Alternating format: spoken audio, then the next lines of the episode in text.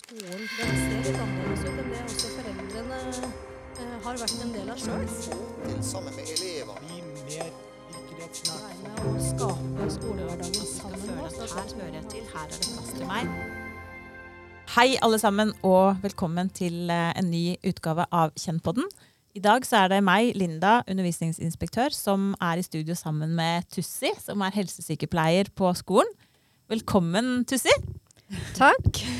Tussi har eh, nå gleda seg lenge til å eh, snakke med, snakke med og til, eh, til oss alle om det å være helsesykepleier, som er en veldig viktig rolle, og en person som vi er veldig glad for at vi har på skolen, og som det er viktig at vi kjenner til, og som vi på en måte kan samarbeide godt med. Så jeg lurer litt, Tussi, kan du snakke, eller fortelle litt først om hvordan jobber du? Hvordan jobber en helsesykepleier og skolehelsetjenesten på, på skolen? Hva er, du, hva er dine oppgaver egentlig? Eh, ja, det er et eh, fint spørsmål. Og så er det jo veldig varierende, da. Eh, for det første så skal jo vi jobbe helsefremmende og ha en forebyggende tilnærming til det vi gjør. Og så er det sånn at vi følger jo arbeidsoppgavene våre så er jo basert på veileder fra Helsedirektoratet. Og så kan jo det variere ut ifra hvor jeg jobber. Når jeg jobber på ungdomsskole, så har jeg veiledere jeg følger og de oppgaver jeg skal gjøre der. Og barneskole er det en annen andre ting. Men målet er jo at vi alle jobber helsefremmende og forebyggende. Mm. Når du sier helsefremmende, hva, hva er det du legger i det? Sånn, kan du si, det er liksom et litt sånn stort, Mm. stort eh, begrep. Ja, det kan jo være sant, det å fremme helse gjennom informasjon. Og det kan skje individuelt eller i grupper. Og så kan vi også ha befolkningsrettet til det. Men sånn som nå er jeg på en ungdomsskole, og da har vi jo undervisning i 9. klasse f.eks., hvor vi har seksualundervisning, prevensjon og seksuelt overførbare infeksjoner. Eller så kan jeg sitte i samtaler med elever, og så kan vi snakke om ting som er vanskelig for dem, som de trenger, de trenger å endre på. Vaner man ønsker å endre på for at det skal være helsefremmende for dems hverdag. Ja, så en del er jo å forebygge sant, sykdommer eh, og, og den fysiske biten. Men så er det jo også en, en del andre ting da, som dere jobber forebyggende med, og som vi også eh, har et samarbeid om, som er veldig fint. Da, at helse og skole kan samarbeide om. Fordi det er jo det der med å se hele mennesket, ikke sant, som er, eh, som er veldig fint. Mm. Ja, enig. Det er jo noe vi snakker sammen om. Og når det er uh, ting som dukker opp, saker som dukker opp fra elever eller familier eller henvendelser man får fra lærere, så tar man jo tak i det sammen. Vi prøver jo å få til et uh, tverrfaglig samarbeid, men jeg får jo Det å forebygge handler jo litt da om at uh, man starter fra der hvor eh, eleven eller familien har vanskeligheter, og så prøver man å finne måter å jobbe med det på, ikke sant. Eh, og det kan jo være blant annet eh, psykiske vansker, at elevene ikke trives på skolen, eller at man har havna i en vanskelig situasjon hjemme, eller at man ikke orker å gå på skolen. Hvordan kan man liksom hjelpe de til å komme til skolen, eller hvordan kan man endre på rutiner, ikke sant. Om det er kosthold, øh, fysisk aktivitet. Så det kan være veldig mye forskjellig, da. Uh, Mm, ja. Hvordan vi sammen, når vi jobber sammen om det, så er det liksom noe med å finne ut hvordan skal vi sammen eh, få det til sånn at den eleven uh, får det bra på skolen, da, og trives her. mm. Og så er det jo sikkert mange foreldre også som tenker sånn um, Kan jeg ta direkte kontakt med, med helsesykepleier på skolen? Det er kanskje noen, hva er det du kan hjelpe foreldre med, Tussi? Mm. Foreldre tar jo kontakt eh, basert på my veldig mye forskjellige ting, ikke sant. Men de kan jo egentlig jo helserelaterte ting. Og vi har jo, ikke sant Når foreldrene ringer, så Ja, vi tar jo mye kontakt med foreldrene, eller kommer i kontakt med dem via foreldremøter, ikke sant. Og da kan man tenke på åttende trinn. Da har vi helseundersøkelse, hvor vi har en helsesamtale med elever. Og hvis det er noe ting som er avvik der, så tar vi kontakt med foreldre etter samtykke fra eleven. Og så kan man komme i en dialog med foreldrene der, og så ønsker man, eh, eller hvis ungdommen selv ønsker det, så kan vi ha, følge dem opp. Og så kan foreldre ta kontakt med oss i forhold til Det kan være alt mulig.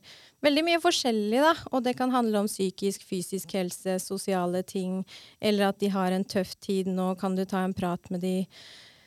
Um, og det er, veldig, det er, vi jo veldig glad for, for det blir også en del av det å jobbe forebyggende. Jo tidligere man tar kontakt, og jo tidligere man tar tak i vansker og problemer, jo lettere er det å jobbe med det. Mm. Mm. Og så er det jo sånn at eh, Man snakkes jo ofte om det der, Hva, at det er en taushetsplikt man har på skolen, og at det er en del ting man trenger samtykke til å snakke om og fortelle. Kan ikke du si litt om hva hva, mm. hva dere forholder dere til der. Mm. Vi skal jo forholde oss til helsepersonelloven og taushetsplikten som står der. Og da handler det jo Det er jo liksom aldersbasert. Og når de er 13 år, så har de jo rett til å bestemme over helseopplysningene.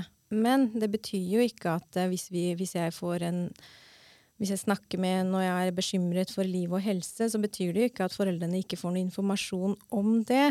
Uh, og det blir jo en sak man vurderer ut ifra hva som kommer inn, hvilken situasjon er det, og hvor stor er bekymringen. Og så er man 16 år, og da har man jo mulighet til å bestemme enda mer. Da kan jo en 16-åring kan jo komme inn og ønske å snakke, og så vurderer man at her trenger de en psykolog, og da er det ikke en selvfølge at jeg trenger å innhente samtykke fra foreldre, men det må man når de er under 16 år. Um, og så er det 18 år. Ikke sant? Frem til de har fylt 18 år, så skal vi jo, har vi jo en avvergelsesplikt da, når man er bekymret for um, liv og helse, eller at her trenger de at voksne kommer inn, så må vi opplyse foreldre. Men dette gjør jeg jo i samarbeid med ungdommen. Det er ikke sånn at uh, jeg går bak ryggen dem og sier til foreldrene, men at jeg vi informerer barnet, ungdommen, at nå ser vi et behov for det, og prøve å få med de på laget. For det er noe med den tilliten man har, og fortsette å bevare det, er veldig viktig. Mm. mm. Ja. Det er veldig, veldig bra. Mm. Så det er mange I løpet av en dag så har du mange forskjellige oppgaver, og det er jo utrolig mange saker du er involvert i, og mange ulike arbeidsoppgaver du gjør. Og en del ting er planlagt, og en del ting er jo sånn som dukker opp der og da, som man mm. bare må ta tak i. Mm. Det, men det er veldig fint at vi har en helsesykepleier å, å spare med, og at vi har ulike eh, mennesker med ulik fagkompetanse inn i skolen. Da. Det mm. syns vi er veldig bra. Mm. Så er det noen ting som er, um, som er, et sånt fast program som dere gjør, eh, som dere på en måte skal gjøre som helsesykepleier på en skole. Kanskje du kan si litt om hva som ligger i, i det? Hva dere mm. gjør f.eks. på åttende trinn, og på niende og på tiende? Ja, i åttende klasse så har vi jo helsesamtaler, som jeg nevnte litt om i stad. Og da informerer jo i forkant eh, til foreldre under foreldremøtet, og så får de også en infoskriv at vi kommer til å ta en samtale med elevene i forhold til helse, psykisk helse, trivsel på skolen. Eh, rutiner, søvnvaner, hvordan er eh, det sosiale miljøet, trives de? Alt dette her. Og så tar vi også høyde og vekt og skoliosesjekk. Og ved behov så får de også mulighet til å ta synstest, da. Eh, og så er det i niende klasse så har man undervisning om samliv og seksualitet, prevensjon og skjønnssykdommer. Eh, også i tiende klasse så er det vaksinering, Repevaks. Det er mot difteri, kikhoste, stivkrampe og polio. Og det er jo noen oppgaver som er i retningslinjer som vi må gjøre, men det som har vært Eh, utfordringen, da, som jeg kan si her, er jo at eh, åttende klasse helsesamtaler har vi ikke alltid rukket å bli ferdig med pga. ulike årsaker. Ikke sant? Det har ikke vært nok folk her, så har det vært sykdommer. og da har vi ofte informert foreldrene i slutten av skoleåret, da, de som ikke har fått fullført det, sånn at eh, man har mulighet til å ta kontakt med fastlegen og fått en sjekk. Og så er det jo det med Man sjekker jo også skoliose, da. Eh, hvis noen lurer på hva det er, så er det å sjekke ryggen og at det er symmetrisk, og at man ikke har noen eh, smerter, ikke sant. Og da pleier vi å ta en telefon til foreldrene og si fra ta en sjekk hos fastlegen også. Så sin, når vi ikke får fullført det, så informerer vi det i slutten av året, sånn at eh, foreldrene kan ja, sjekke det ut eller ta kontakt med oss hvis de har noen ekstra bekymringer. Og så er det jo det infoskrivet, så kan jo også foreldrene få jo mulighet til å skrive hvis det er noe de er bekymra for, sånn at man også kan få tatt de litt tidlig inn til en helseundersøkelse. Mm. Og i tillegg er jo som du sier, da, så har jeg mange individuelle oppfølginger av elever, og det kommer jo fra dere, skolen, ikke sant. Vi har jo jevnlige møter, Linda, og så kommer det jo fra foreldre, og så er det elever som banker på døra, drop-in.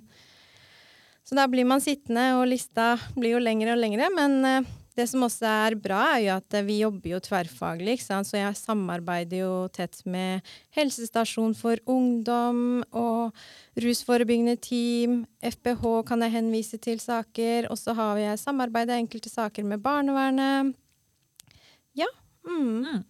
Målet vårt da, er jo at alle på Kjent skole skal ha en god skolehverdag, og at de skal trives her, og at de skal gå ut herfra og tenke at uh, tida mi på Kjenn var, uh, var en god tid.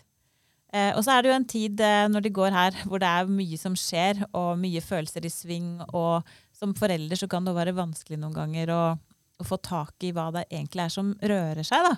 Så tenkte jeg kanskje du har noen tips sånn på tampen til for foreldre. Liksom, hva, hva, hva kan de gjøre? Hva er det som er lurt å tenke på når du får et barn som går på ungdomsskolen? Ja, det er, det er et stort spørsmål. Men eh, det jeg tenker som foreldre, er jo at eh, man bør være til stede. Eh, vi lever jo alle i en travel hverdag hvor det er hektisk, og, og så kan jo ungdommen komme og ønske å prate med dem eller fortelle ting når det passer dem dårligst. Og det kan jo være på kvelden eller når man har tenkt å sove, så kan de åpne seg opp litt. Så det er jo litt det å være til stede for barna da, når de kommer. Eh, litt det å være en trygg havn. mm. Og så er det jo det å liksom eh, snakke med ungdommen, fordi jeg hører jo foreldre si nei, de, de, prater ikke lenger, eller de snakker ikke så mye om følelser lenger, og det er så vanskelig å prate med ungdommen, ikke sant. Og da er det jo Istedenfor å gå inn på det som er vanskelig å prate om, så kan man jo kanskje sette av litt tid til å finne på ting, eller gjøre noe hyggelig sammen. Lage mat sammen, se på en film, eller kanskje game sammen med ungene, ungdommen sin, eh, hvis man får til det. Men det tror jeg noen ungdommer har kommet og sagt at det blir de glad for når foreldrene er interessert i ting de driver med. Og så kan man jo skjønne at ja, men dette kan jeg ingenting om, men det er liksom, hvis man ikke kan det og ikke er interessert, det, være litt opptatt av det de driver med. Spørre litt rundt det. Fordi selv om eh, ungdommen er inne i huset sitt, så betyr det jo ikke at de ikke har noe kontakt med sosiale Altså det sosiale, fordi mye av det sosiale skjer jo inne også. De sitter og gamer, eller så møter de folk på sosiale medier, ikke sant. Og bare det kan jo skape veldig mye følelser. Um, så liksom være litt der de er, og oppsøke plattformen deres og bli litt uh, Ja, vise interesse, tenker jeg er viktig. Mm. Ja, det var gode, gode råd og tips. Og så, tenkte jeg også det er fint at uh, foreldre ved bekymring eller hvis de trenger å prate med noen, ikke nøle og ikke vente. ikke sant? Ta kontakt med skolen, ta kontakt med meg. Uh, så kan man heller snakke om det for veiledning, ikke sant? istedenfor at man venter og ser og lar ting gå for lang tid, og så blir det for sent å kunne ta tak i det som er vanskelig for ungdommen. Mm. Mm. Den letteste måten å komme i kontakt med deg, Tussi, hva, hva er det? Ja, jeg har jo en telefonnummer som står ute på Skien skole sin nettside, og så har jeg mail. Eh, og elevene kan jo komme på drop-in, sende meg en Teams-melding. Og så kan man også ringe til saksbehandler her på skolen. si at de ønsker oss den. Så det er jo mange måter, da. Mm. Eh, mm. Da tror jeg vi eh, er ved veis ende i denne podkasten. Da håper jeg dere har fått et lite innblikk i helsesykepleiers eh, rolle og oppgave på skolen, og at dere ikke nøler med å ta kontakt hvis det er noe dere lurer på, eller noe dere har lyst til å snakke om. Ha det bra!